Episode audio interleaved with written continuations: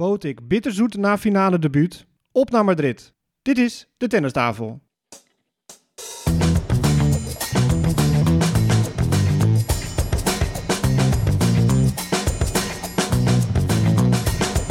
Please take your seats quickly, ladies and gentlemen. Thank you.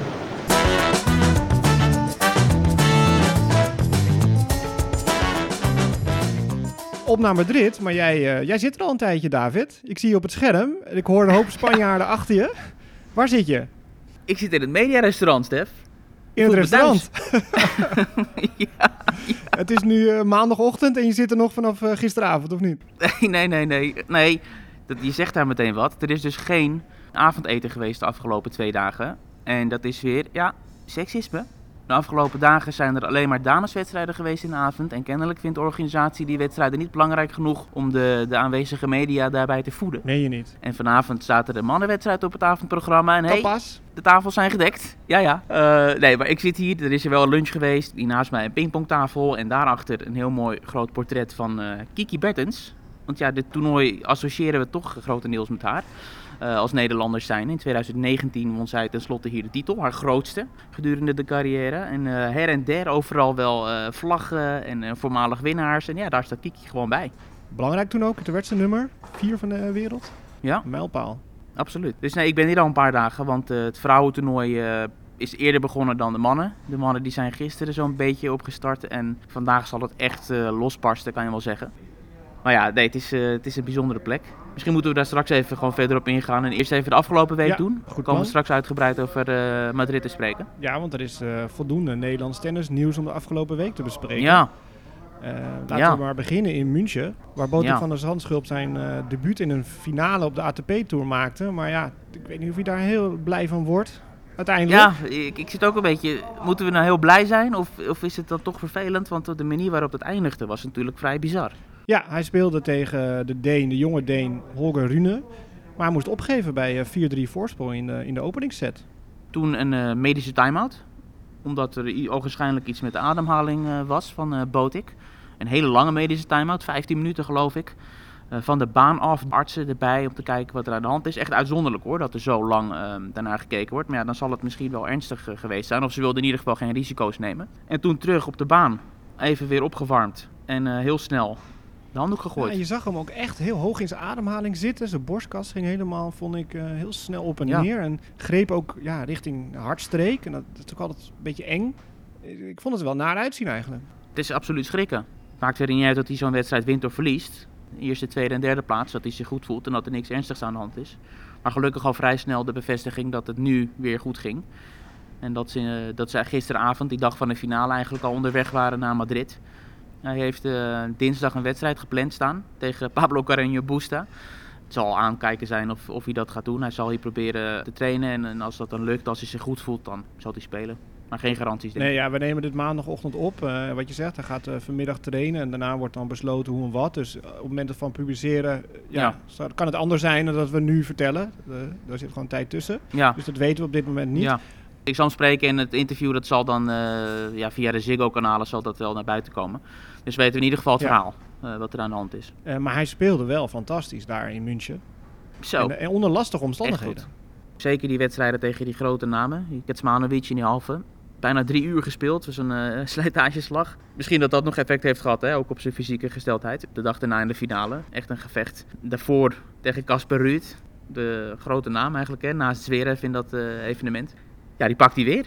Een van zijn favoriete tegenstanders lijkt het wel. Ja, als je zo zit te kijken, zoveel impact heeft het spel gewoon niet van Ruud op Botik. En het is natuurlijk geweldig om te zien dat hij zo, zich, zich zo ontspannen voelt tegen zo'n speler. Op greffel, hè? Ja, bizar om te zien. Want het was toen wel mooi weer, dus de baan was toen wat sneller. Maar dan zet Ja. hij gewoon Ruud weg alsof het gewoon eh, ja, een derde rang Ja. spelertje is. Terwijl het gewoon een top 10 speler is. En dat gebeurde op de US Open natuurlijk ook, hè? Ja. Hij heerste echt in de rallies en die dropshots en kwam goed naar voren. Prachtige kwartfinale wat dat betreft wel eenzijdig, maar voor ons Nederlanders natuurlijk prachtig. En dan die volgende dag in die natte weersomstandigheden, totaal anders. Was echt een vechtwedstrijd Ja. geworden, dus dat kan hij ook. En niet onderschatten, hè? hij verslaat Ruud op een ATP 250 toernooi. En daar is Ruud op zijn best. Hoe kleiner het toernooi, hoe beter Casper Ruud. Ehm, nee, het, is, het was echt eh, indrukwekkend. En de wedstrijd daarvoor, ik kan ook wel even snel noemen. Hij speelde tegen Gerasimov, die hij echt aan de kant zette. En die andere speler was eh, Nakashima, de Amerikaan. Daar begon Ja, hij tegen. talentvolle Amerikaan. Ja, Nee, maar ja, als je zo snel op 4-1 voorkwam en hij was gewoon in goede vorm. En die, die Rune speelde ook zijn Ja. allereerste finale eh, op de ATP-tour. Ja. Dus we zouden sowieso een debutant hebben als, eh, als winnaar. Had ik toch wel mijn geld gezet op Botik. dat gezegd hebbende, als je kijkt naar hoe die Rune heeft gespeeld in München. Geen set verloren, Zverev van de baan getikt. En iedereen daarna ook echt gewoon eh, overtuigend eh, weggezet. Is een goede speler hè, heel ambitieus ook. Eh, van jongs af aan al bezig met zijn carrière. En, en als je ook een beetje zijn social media volgt, grootste dingen bereiken. En heel erg uitgesproken. Ja, daar zit wel een kop op, die Rune. Dat is wel mannetje Ja. hoor. Weet je nog dat gezamenlijk van hem? Vorig jaar dat hij zo ehm, gekwetst was bijna. Dat hij zo ontzettend veel had gespeeld en ook ontzettend veel gewonnen. Maar door dat bevroren rankingsysteem Schoot het maar niet op. Ja, steeg hij maar niet echt. En dat schoot hij niet op. En dan ging hij dan weer meteen op social media zetten. Van ja, hoe kan het nou in hemelsnaam dat ik zo goed sta te spelen. Maar ik blijf maar hangen. Dus dan heeft hij nu zijn gram wel een beetje gehaald. eh, al vrij snel in dit seizoen. Er was ook nog een beetje controverse rondom hem. Een tijdje geleden. Omdat hij eh, homofobe uitspraken gedaan eh, zou hebben. Oh. Nou, niet zozeer dat hij dat, hij dat jegens anderen deed. Maar er waren beelden van hem vrijgekomen van de Challenger Tour. En er was nog een heel ATP-ding omheen. Dat ze dat hadden afgekeurd. En hij had een heel statement naar buiten gebracht. Omdat hij op het moment dat hij zelf fouten maakte tijdens een wedstrijd. noemde hij zichzelf ja, een, een homofobe verwensing. In plaats van te zeggen eikel, zei hij dan iets, eh, iets homofoobs richting zichzelf. Kwam hij nog een beetje eh, mee in de problemen. Dus dat kleeft wel een beetje aan hem nog. Maar ja, geweldig speler. Nou ja, 18 jaar en eh, hij stond al in de top 100. Hij stijgt nu Ja. 25 plekken, dus hij Ja. staat nu eh, 45. Nou, op die leeftijd, ja, Ja. hallo, dat is eh, klasse. Zeker. En Alcaraz die staat natuurlijk al eh, te tikken als een gek. En er komt er nog zo eentje bij, zo'n tiener. Maar goed, we hadden het al in de intro over bitterzoet voor Botek. Ja, natuurlijk fantastisch om een finale te halen. Dat is de eerste, ja, na hoe het eindigt. Maar belangrijke punten voor de wereldranglijst, want hij stijgt nu naar 31. Zo. En eh, ik sprak hem eerder dit jaar en eh, het doel was top 35, zodat je ja, waarschijnlijk geplaatst bent op Roland Garros. En een geplaatste status, dat is heel belangrijk op zo'n Grand Slam natuurlijk. Mhm. zijn 32 geplaatst. Ja, ja dat zeker. lijkt gehaald. Zonder meer. En als hij had gewonnen, was hij die top 30 gewoon ingegaan, lijkt me. Maar ik denk dat we kunnen concluderen dat hij een hele goede beslissing heeft genomen door Barcelona over te slaan. Gewoon even een week te trainen, rust te nemen en dan zie je waar dat toe kan leiden. Zo'n succesweek. Nou ja, en dat op gravel, terwijl hij misschien toch sne- op snellere banen liever speelt. Of eh, op hardcourt banen. En dan Ja. en op een snelle gravelbaan als het mooi weer was. En een dag later op een regenachtige baan. Dus ook mentaal gezien moet hij, Ja. heeft hij misschien wel nu iets overwonnen van... ik kan op alle omstandigheden, op alle ondergronden gewoon goed presteren.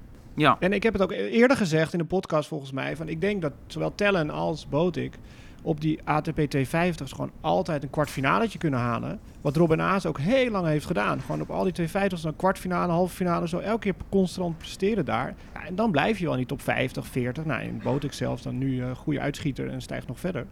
Als je dat blijft doen constant. ja, ja helemaal mee eens. En ik sprak Sven Groeneveld hier eh, gisteren, eergisteren, eh, de huidige coach van Bianca Andrescu. En ik vroeg hem ook om, hij weet ook natuurlijk alle ins en outs eh, van tennis. En ik weet dat hij alles volgt. En hij heeft dus ook Botik en Talent zien eh, opkomen. Dus ik had het een beetje erover welke ja, uitdagingen staan er nu voor de jongens en wat hij ervan verwacht. En, en hij gaf aan dat hij dit jaar en volgend jaar een soort stabilisatiefase verwacht voor de jongens. En dat ze daarna gewoon echt wel kunnen blijven hangen, omdat ze wel veel in huis hebben. Laten we het eh, van de expert aannemen en hopen dat hij gelijk heeft. Tennisarchitect. Ja. Ja. Maar goed, Tellen werd al even genoemd, maar Tellen is niet in Madrid. Nee, en was ook niet in München, hij had hij ook moeten spelen. Ja, laatste wat ik van hem gehoord heb is dat hij hoopt Rome wel te gaan halen. Dus dat is de, de week na Madrid. Laten we dat ook eh, Ja. hopen. Ik denk dat hij dan kwalificatie moet spelen. Dus de ranking niet hoog genoeg is om... eh, wel ja, het zal, het zal erom hangen. Nou ja, afgelopen week, wie er ook niet was, Aranska Rus in Madrid. Want die speelde een klein ITF-toernooi in Italië. Ja, dat won ze. Maar ja, als top 100 speelster werd ook een stand verplicht natuurlijk. Was daar de top seed. Ja, hij heeft één speelster in de top 200 getroffen. En de rest allemaal buiten de 300 geloof ik zelfs. Maar goed, wel een titeltje erbij voor Aranska Rus. Nou ja, de ATP-tour. Sebastian Baez won in Estoril van Francis Ja. Tiafoe in die finale. Voor hem ook zijn eerste titel. Ik zag wel dat eh, leerde om eh, champagne te spuiten. Dat had Baez ook nog Ja, niet helemaal ja, onder de knie. Maar goed, als het de eerste keer is, dan mag dat. Dus, Ja, ja, dat was de afgelopen week wat betreft wedstrijdtennis op de baan. Ik denk vooruitkijken naar Madrid. Want sinds Ja. wanneer ben je daar eigenlijk? ik ben hier sinds dinsdagavond. Woensdag was mijn eerste dag hier op het toernooi. En dat was eh, gelijk eh, feest, want het was de mediadag bij de dames. Dat was leuk. Het begon allemaal met eh, de afmelding van Iga Swiatek. De nummer 1 van de wereld die wel hier aanwezig was, maar ehm, eigenlijk alleen maar kwam aankondigen dat ze niet ging spelen. Nadat ze al die toernooien op rij had gewonnen met Stuttgart natuurlijk het laatst. Snap ik dat ze dat heeft gedaan. Weet je, als je even een reset eh, moet doen, dan is misschien Madrid gezien die bijzondere omstandigheden hier eh, met het op hoogte spelen. En het is net even wat anders. Dus als je dan moet kiezen tussen Madrid en Rome, vooruitkijken naar Roland Garros, dan is het logisch denk ik om deze te skippen. Hoe prestigieus het ook is, hè? want het is echt eh, qua formaat en qua faciliteiten is het echt eh, Grand Slam-achtig. En dat zeggen de spelers Ja, wel netjes dat ze dan persoonlijk komt, hè, om te zeggen ik speel niet. Weet je, je kan het ook afdoen met een berichtje of op Ja. social media een berichtje of een persberichtje. Maar het is toch netjes dat ze de moeite neemt om daar naartoe te reizen. Die rol die neemt ze echt op zich. Ook dat is iets wat, wat echt iedereen unaniem bijna zegt. Wat hebben we een geweldige nummer 1 op dit moment. Iedereen vindt haar, eh, vindt haar top. Maar goed, die is er dus niet. Die is er dus niet. Nee, maar dat maakt het toernooi wel leuk. In die zin dat, eh, hè, normaal gesproken ga je er vanuit nu, eh, oké, als Iga meedoet, dan wint Iga. Dus nu is het allemaal opengevallen. En als we kijken naar hoe het ervoor staat, er is nog maar één top 10 speelster over. Dat is ons Jabeur. Maar dat maakt het niet minder leuk of zo. Want je hebt Halep die als een, als een gek staat te spelen werkelijk. Met eh, Patrick Muratoglu eh, nu als haar coach. En ze staat als een soort Serena eh, uit te halen nu. eh, en iedereen van de baan eh, te timmeren. Ik zat zelf in het stadion ook van begin tot eind voor eh, Halep tegen Badosa, de nummer 2 van de wereld. Die voor eigen publiek echt werkelijk van de baan Ja. werd gerost Ja. door, eh, door Halep. Die als een soort herboren 2.0 versie staat timmeren. Ja, zonde voor Badoza, want die, die is volgens mij geboren in eh, Madrid, of die woont er. En, eh, Geboren in New York. oh ja, Komt uit Barcelona oorspronkelijk, maar woont op dit Ja. moment in Madrid inderdaad. De eerste week als nummer 2 van de wereld. Voor eigen publiek. En die moest ook na afloop, toen ze had verloren eh, in de persconferentie, brak ze Ja. ook. Het waren eerst de Spaanse vragen en, dit- en dat ging nog goed. Ze keek niemand aan, ze keek zo, zo naar beneden om geen oogcontact te hebben. Maar toen kwam het bij de, bij de Engelstalige vragen en eh, een collega van me die, die vroeg er gewoon letterlijk van... Ja, hoe, voel je je Mhm. nu qua emoties? En eh, ja, dat kon ze toen niet meer eh, beheersen. Ja. En hoe pijnlijk het was om op deze manier ten onder te dus de gaan. standaard sportvraag doet het nog steeds. Hoe voel je je? Ja, zeker, zeker. En ze verwoorden het heel mooi. Ze zegt een aantal toernooien van die een week duren, maar die voelen als vijf weken. Qua spanning en qua, qua fysieke eh, stress en zo. En dit is er voor mij zo één. Ja, maar ze kreeg toch ook in het verleden een wildcard. Was dat vorig jaar? Vorig jaar speelde ze nog met de toen wildcard. deze- Ja. En toen deed ze het fantastisch. Dus een soort van doorbraaktoernooi. Dus dan heb je altijd ja, speciale eh, herinneringen en dan ook nog in je, in je Ja. woonplaats. En eh, wat even opvallend was, dat Osaka eruit. Ja, geblesseerd. Ze had een hele dikke tape op de, Oh. op de linkerkuit en ze kon eigenlijk nauwelijks bewegen. Eh, ze, stond wel op de baan tegen Sarah Sorribes Storma, waar ze eerder al van had verloren. En die we natuurlijk kennen van de Billie Jean King Cup van, eh, Ja, van vorige precies. keer. Ik had er eigenlijk niet op gerekend dat Osaka zou verliezen mits eh, fit. Want ze stond echt heel goed te Mhm. spelen en goed te trainen. En ze heeft eh, met Wim Vicette aan haar zijde... eh, in, in Mallorca hebben ze een heel trainingsblok gedaan voor het greffelseizoen. Waar ze, waar ze wat nieuwe trucjes en wat nieuwe greffel eh, dingetjes had, eh, had toegevoegd aan het spel. Dat je zo om de backhand heen lopen en de voorhand eh, slaan. Veel extremer, ook op returns en dat soort dingen. En dat lukte één wedstrijd. Ik ben even kwijt eh, tegen wie ze nou speelde in die eerste partij. En daarna voelde ze gewoon een Achillespees. Dat, dat, ja. Ze maakte zich niet super veel zorgen, maar ja, die wedstrijd was niet echt een wedstrijd. Nee, ze won van Potapov. Ja, precies. Het was echt heel goed. Bianca Andreescu staat flink te timmeren volgens mij. Ja, die is goed bezig. Met Sven. Sven Groeneveld, voor de luisteraars die het niet weten, die, die praat eigenlijk nooit over zijn spelers. Dus als je hem wil interviewen, prima. Maar als het maar niet over zijn spelen gaat, dus je moet altijd een beetje creatief zijn. Ehm, maar ja, hij, hij gaf wel aan dat hij de afgelopen eh, half jaar, toen zij een soort sabbatical had genomen, hebben ze nauwelijks eh, echt contact gehad. Want, want zij was echt bezig, Andrescu, met eh, alles op een rijtje zetten. Ze, ze wilde stoppen op een zeker moment. Toen heeft ze een soort eh, yoga-hippie-leven en bestaan eh, gevolgd. En is uiteindelijk tot de conclusie gekomen dat eh, ik, wil, ik wil en goed presteren op de tennisbaan, maar ik wil meer zijn. Ik wil een soort wereldse figuur worden. Ik wil, ik wil verandering brengen. En hoe kan ik dat het beste doen? Toch door mijn tennisplatform te gebruiken. Toen heeft ze zichzelf op die manier overtuigd eh, met een soort zweverig eh, ding wat er wel een beetje omheen hangt eh, nu. Dat ze weer helemaal terug is. En eh, meteen, meteen echt heel sterk. Dus echt heel blij dat zij terug is. Hopelijk blijft ze heel. Hè? Het is ja, dat is fragiel allemaal. vraag inderdaad. Ja. Ja. Maar het, het was Ja. weer heerlijk om haar, haar te zien spelen. Dus haar magie op de tennisbaan in de, in de Kaga Magica Ja, ja, is een lust voor het oog. absoluut, absoluut. Ze speelde tegen eh, Collins. Collins, ja, 6-1, 6-1. Fantastisch. Blijft voor mij de beste Ja. van het stel. Ik zeg het nog maar een keer. Weet je wat jij met Sabalenka Ja, hebt, zal ja, ik ik met Andrescu het, eh. zeggen. Eh, ik zei het ook tegen Sven. Volgens mij heb je de beste in handen. Maar eh, vertel even, wat is je indruk daar van het stadion? Ik ben er ook een keer geweest, maar dat was in de wintertijd. Ja. Jij zit lekker nu eh, in de lente. Ja, nou goed, die blokkendoos is nog steeds een blokkendoos. Dat Ja. zal de, de kijker ook wel weten van dit eh, evenement. En met die rare schaduwen ook en metalen afwerkingen overal. Maar ja, ik had het ook op Twitter gezet van onze tennistafel. Als je dan daar toch zit in zo'n zo'n avondwedstrijd met zo'n Badosa en met de Halep en dat stadion is vol. En dat felle gravel. Dan verdwijnt dat metaalachtige en dat kille en dat koude toch een beetje op de achtergrond. En is het gewoon genieten. En de buitenbaantjes, hoe is dat? Het ligt allemaal heel mooi erbij. Het is logistiek niet allemaal zoals ik het had gedaan, want je hebt heel veel opstoppingen. Want je hebt een soort eh, rondom ehm, die, die blokkendoos met ook Arantxa Sanchez en het derde stadion ehm, is een soort gracht. En als je dan naar die buitenbaantjes wil, dan moet je een soort eh, bruggetje over, als het ware. Maar dat bruggetje is heel smal en er willen heel veel mensen doorheen en overheen. En dat Ja, ja. is niet zo handig eh, gemanaged allemaal. Dus je hebt heel veel opstoppingen, heel veel eh, corona-hubs, eh, om het zo maar te zeggen. Want ik heb niet de indruk dat mensen zich hier nog heel veel zorgen maken om, om besmettingen en dat soort zaken. Het is, als je puur kijkt, als je alle versieringen en alle kleuren wegdenkt, dan kan je er een gevangenisfilm opnemen. Maar met die versieringen erbij, ik vind het wel wat hebben. En de spelers die noemen de faciliteiten ook waanzinnig. En het spelersrestaurant ziet er echt fantastisch uit. Het is groots opgezet. Ik kan me voorstellen dat het anders is tijdens de Davis Cup, hè, waar jij bent geweest. Ja, het was toen, eh, wat was het, november denk Ja. ik. 2019 dat Nederland speelde in de Davis Cup Finals. En hadden ze inderdaad drie wedstrijdbanen. Eh, Nederland speelde dan in hal 3, het kleinste halletje. Ja, sfeerloos. Het was ook koud en tochtig, want het is heel open.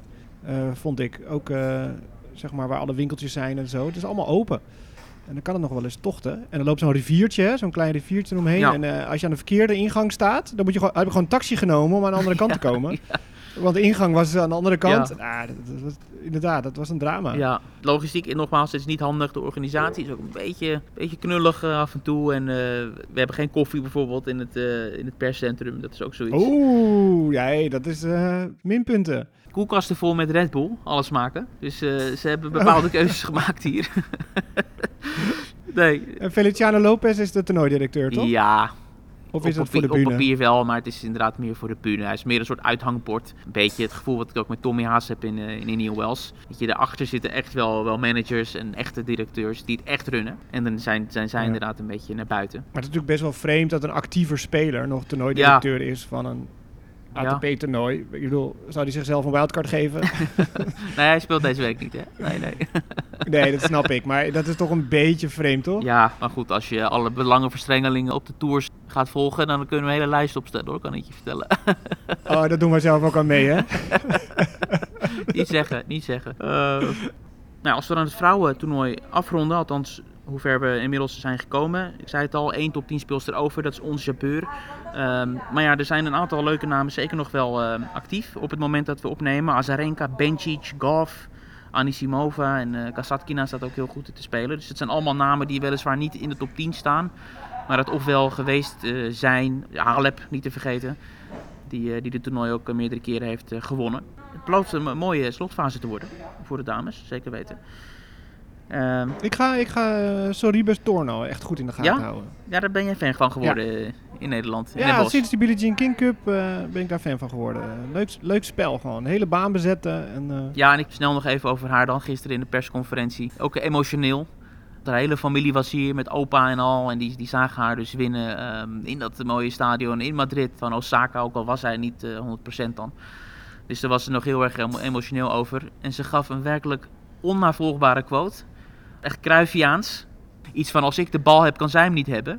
Die bizarre sorry, Stormbouw. Prachtige speelster en een prachtige figuur ook. De mannen zijn nog niet echt begonnen, althans vandaag, vanavond, maandagavond dus. Staat er een heerlijk potje op de planning. mhm. Andy Murray tegen Dominic Thiem. is Ja, de wedstrijd. kunnen ze ja. loten, hè? Murray met de wildcard en Thiem met zijn protected ranking. Keren terug hier in Madrid. Bam, Ja. meteen eerste ronde. Ja, wel mooi. Er gaat in ieder geval Ja. eentje, eentje, ja, eentje winnen. Dat klinkt misschien stom, maar ze winnen natuurlijk Ja. weinig. En vooral het team heeft heel veel moeite om terug te komen. Ook al is het zijn geliefde gravel. En eh er gaat er eentje heel blij zijn vanavond. Ik vroeg aan Andy, gisteren voor Ziggo was dat ook, eh, in eerste instantie, waarom ben je hier überhaupt? Want je had toch aangegeven geen gravel te gaan spelen? En toen zei hij, ja, ja, ik had eigenlijk een, heel trainingsblok ingepland uh, op hardcourt en, uh, en ook op Wimbledon en zo, om dat allemaal voor te bereiden. Maar ja, en ik wilde wat challengers gaan spelen, maar ja, die werden allemaal gecanceld. En als je dan wil trainen, maar alle andere spelers van niveau, die staan op gravel te spelen, ja, die, gaan dan niet met mij op een andere ondergrond een beetje staan trainen. Dus ja, toen kwam ik tot de conclusie van, ja, dan moet ik zelf maar gaan als ik echt kwaliteitstegenstand wil hebben. Dus toen heeft hij die wildcard hier geaccepteerd. Maar ja, als je die sectie erbij pakt, de bovenste kwart, zo. Ja. Nou, je hebt het voor je neus volgens mij. Oh. Zeg het maar. Ja, die begint natuurlijk met Novak ja. Djokovic. Die een bij heeft en in, in de tweede ronde staat. Maar uh, Nadal zit Ja. daar ook in. Alcaraz, Alcaraz zit, uh, die gaat ook naar boven toe. Ja, en Botik. Ho ho. Hij zit er wel in. Ja, tegen Pablo Carreño. Busta. Ja, daar heb je zuurstof voor nodig als je tegen hem moet spelen. Dus eh, we gaan het zien. Ja, Kasper Ruud zit bovenin. Ja, dat, dat Ja. moet dan geen probleem zijn. Eitje. Hoedekac bovenin. Shapovalov, Isner en Norrie. Niet te geloven. Maar Nadal is er dus ook. Hij heeft nog wel last van zijn ribben, eh, meen ik. Maar jij was gisteren bij de Media Day. Weet jij meer? Hij zei dat hij echt bij aankomst hier in Madrid, eh, of twee dagen van tevoren pas, echt voor het eerst ook eh, services heeft kunnen slaan. Dus eh, ja, het is niet helemaal eh, 100%. Maar ja, ik zag hem trainen. Zijn eerste training was hier eh, heel mooi aangekleed. Om 6 uur was dat met het publiek in het grote stadion. En nou, daar stond hij toch wel even door te beuken. Hij doet altijd wel een rookgordijntje. Hè? Hij, hij is altijd heel voorzichtig. Maar als hij Dus, speelt, dan, dan kan hij spelen. Dat heb ik wel altijd eh, bij Nadal. Ja. Nou ja, hij moet het opnemen tegen Kesmanovic of Bublik. Maar dat lijkt me een no-brainer. Wie dat gaat worden. Ja. Ja. ja, want Bublik die, die zegt overal, ik Ja. haat gravel, ik haat gravel. Maar goed, hij speelt wel overal. Maar ja, steeds één wedstrijdje. ja, maar Kesmanovic heeft toch ook al een keer de tank leeggelopen. Ja, Ja. zou je zeggen, ja, inderdaad. Nou ja, als we er onderin gaan kijken, ja, dan hebben we Zverev als tweede geplaatst. Titelverdediger. Ja, het blijft toch een beetje vreemd als je Nadal en Djokovic en alles eh, erin hebt zitten. Ja. Eh, onderin, Tsitsipas, Ogier Aliassim, Schwartzman zit daar nog als geplaatste speler onderin. Ja, ik, ik denk Tsitsipas en Zverev. Ja, ik denk Tsitsipas er wel door gaat komen. Zou je denken. Hè? Je speelt graag op gravel, hebben we al eerder natuurlijk vastgesteld dat dit zijn, eh, zijn beste ondergrond is. Nou ja, zeker daar misschien op hoogte, weet je. Ik bedoel, de bal vliegt wat sneller, de baan is misschien wat sneller. Voor het aanvallende spel van Tsitsipas. Nou ja, ik, ik had juist het gevoel eh, in Monte Carlo en zo dat op het moment dat hij juist meer tijd heeft, dat hij dan eigenlijk gewoon beter speelt. Mhm. Op het trage gravel. Maar je hebt nu de combinatie van en tijd om aan te leggen. Ja. En die bal vliegt lekker snel. Ja, nee, eh, zeker een goed punt. Goed moment om even in te zoomen ook op eh, de reacties van Nadal vooral en ook Djokovic eh, over de Russen. Die niet mee mogen doen op Wimbledon. Djokovic hadden we er al eerder wel over gehoord. Die had zich er tegen uitgesproken. Die voegde nu nog wel toe dat ja, als er een soort maatregel genomen zal worden tegen Wimbledon, wat het dan zou moeten zijn. Hij zag het niet echt eh, gebeuren dat zeg maar, alle punten afgenomen zouden worden van Wimbledon. Zeg maar dat het een soort eh, puntloos toernooi zou, eh, zou gaan worden. Maar hij zei het lijkt me logischer dat gewoon de Russen en de Wit-Russen die niet mee mogen doen, geen punten verliezen. Hè? Dat het een soort van bevroren punten worden, zoals het ook met corona was. Hun prestatie van de vorige keer dat ze meededen blijft gewoon staan. En dat nemen ze mee naar Mm. wanneer ze wel weer mogen spelen. Dat is nu geopperd. Nadal die zei op zijn beurt dat hij tegen die beslissing is. Hij zegt dat, dat daar kunnen die lui niks aan doen. En het lijkt erop dat Wimbledon de meest drastische keuze heeft gemaakt. Want ze werden door niemand verplicht om dit te doen. Het was een advies of het was een soort open gedachte vanuit de regering van eh, denk hierover na. En toen heeft Wimbledon volgens het al meteen eh, zijn ze doorgeschoten naar oké dan gooien we ze er allemaal uit. Dus ook hij tegen deze maatregel. Eh, het woord Wimbledon is gevallen. En dan, ja, dan is het bruggetje misschien heel makkelijk te maken naar Boris Becker. Ja, Die eh, op 17-jarige leeftijd Wimbledon won natuurlijk. En die nu op drie kilometer afstand vastzit van Wimbledon. In het zuiden van eh, Londen in de gevangenis. ja, ja, dit is jouw dossier, eh, Stef, dus ik laat deze aan jou. Jij hebt rechten gestudeerd. ja, ver verleden. Boem Boem Becker is veroordeeld voor het eh, 2,5 jaar cel. 2017 een faillissement en hij heeft niet al zijn bezittingen opgegeven. Het ging natuurlijk om miljoenen euro's wat hij doorheen heeft ge- gejaagd. Ja, het is wel triest natuurlijk. Als je met goed gedrag ehm, kan hij eh, zijn straf met de helft verminderen. Maar hij zit inmiddels wel al vast daar. En dat is geen pretje. Dat is de grootste gevangenis, meen ik, van Engeland. Hm. En ehm, ja, dat, eh, het stinkt daar en het is vies en eh, veel criminaliteit, heel veel drugs daar en zo. Ja, dat is pittig, heftig. Ja, ik vroeg het aan eh, een Britse collega van eh The Telegraph. Ehm, kunnen we erop rekenen dat hij in een soort eh, chique gevangenis terechtkomt? Maar ja, je zegt het zelf al. Absoluut niet. Het is echt eh, gewoon een gevangenis. Hij gaat daar cel delen met twee of drie andere. 23 uur zit hij gewoon binnen per dag. Dus het is absoluut geen hotel, om het zo maar te zeggen. Want dat soort eh, gevangenissen heb je er ook tussen zitten. Ja, dus hij Ja. wordt echt behandeld als een crimineel. Als een zware crimineel. En ja, wat hij gedaan heeft is natuurlijk niet goed. Nee, Natuurlijk is hij eindverantwoordelijk voor wat er gebeurt met je eigen administratie. ja. Maar ik heb de indruk dat hij ook wel mensen om zich heen heeft en dat hij te veel heeft losgelaten. Want ik las ook dat hij ergens een lening had Ja, voor 25% rente. En een onderpand aan zijn huis op Mallorca en zo. Maar ja, wie sluit er een lening af met 25% rente? Ja. ja, dat is niet handig. nee, nee. Sowieso. Dus in hoeverre wist hij dat en had hij daar weet van? En hebben de mensen van hem geprofiteerd hè? en zo. Ja. Dus ja, ik weet het ook niet. Maar blijft toch wel, vind ik altijd wel triest natuurlijk, dat zo'n grote ster zo hard kan vallen. Eh, maar ja, als je hem de laatste tijd op televisie zag, weet je nog steeds borst vooruit en Ja, ja. eh, niks aan de hand. En ook zelfs toen hij naar die rechtspraak ging, had hij alle Ja. vertrouwen in gewoon een goede oploop. Maar hij had niet bedacht dat hij meteen handboetjes om afgevoerd werd in het busje. Nee, Dat was toch wel redelijk verrassend. Sneu, sneu. En Djokovic die werd er ook mee geconfronteerd. Ten slotte zijn coach geweest jarenlang. En Ja. de Serviër gaf ook aan, eh, ja, heartbroken, zei hij, om die uitspraak. Dus ja, hij wilde verder niet al te veel erop ingaan. Maar ja, hij was echt gewoon diep bedroefd erover, Djokovic. Ja, nou ja, Becker kan nog in hoger beroep, had ik eh, vernomen, maar er is nog geen besluit eh, overgenomen. Davis Cup Finals, als ik weer mijn dossier mag openen. Ja, ja. Dat is eh, nu bekend geworden waar die eh, gehouden worden. Althans, die, die groepswedstrijden, die soort van tussenronde.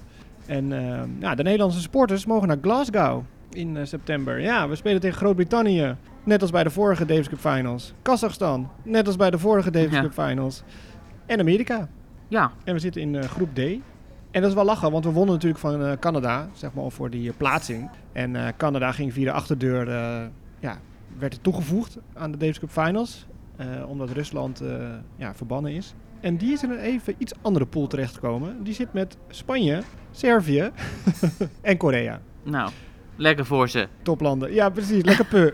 Want ze kwamen zonder die sterspelers bij ons. En eh, Ja, hadden ze zeg maar eh, direct moeten plaatsen. En eh, die spelen in Valencia. kijk. Dan hebben we nog groep A, om het eventjes af te maken. Daar zit Italië, Kroatië, Argentinië en Zweden. En die spelen in Bologna. Dat was mijn favoriete speelstad, maar helaas. Het wordt Glasgow, regenachtig Glasgow ben ik bang. En geen terrasje op Bologna. En in Hamburg, dat was de favoriete speelstad van eh, Paul Haarhuis. Want hij zegt, dan konden die studenten, Groningse studenten, mooi met eh, de bus, trein, auto, fiets naar Hamburg rijden. Maar dat is helaas niet gebeurd. Daar speelt natuurlijk Duitsland. En die nemen het op tegen Frankrijk, België en Australië. Maar Nederland dus naar Glasgow met, eh, ik denk, een easyjetje.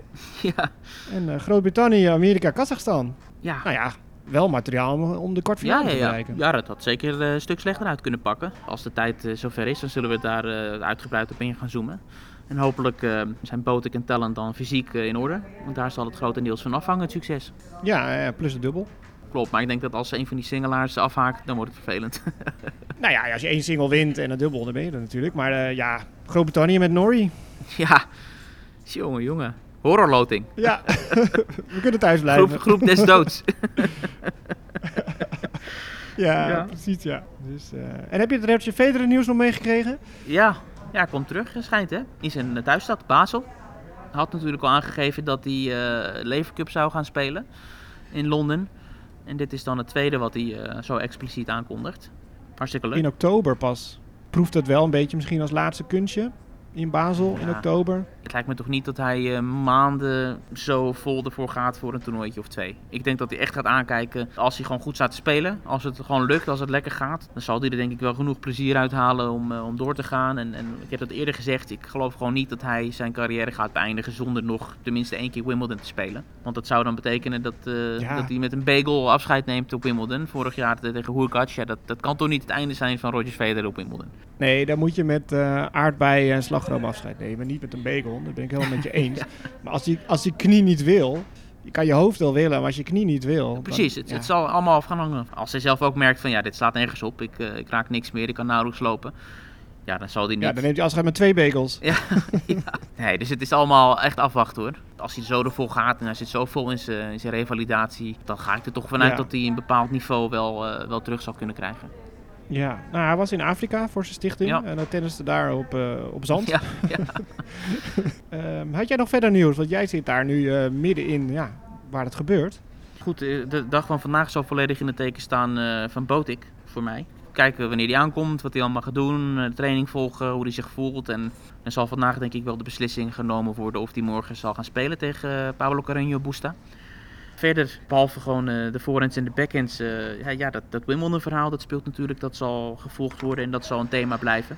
Ja, ja, jij zit dus eh, deze hele week in, in eh, Madrid Ja. en daarna Rome. Daarna Rome. Ja, maar eh, Rome dat eh, staat volgens mij op eh ieder zijn lijstje om een keer te bezoeken. Absoluut, daar kijk ik enorm Dus naar ik uit. denk dat Ja. heel veel mensen die dit nu luisteren jaloers op jou zijn. Ja, Want daar ligt volgens mij het mooiste tennisbaantje van de wereld. helemaal eens. het tweede Pietrangeli. stadion wat in de grond, ja, wat in de grond ligt met die beelden erboven. Ja. Nee, bucketlist eh, verhaal. De beelden zullen verschijnen op de kanalen. nou deze week dus nog Madrid Ja. voor jou. En eh, volgende week maandag als we opnemen, dan zit jij in Rome. Ja. Doen we het weer eh, via de Zoom. Ja, En dan hopelijk met vol oranje nieuws. Met Tellen, Botik, Aranska. Nou, dan sluiten we daarmee af. En dan spreken we elkaar volgende week. En bedankt voor het luisteren. En tot volgende week.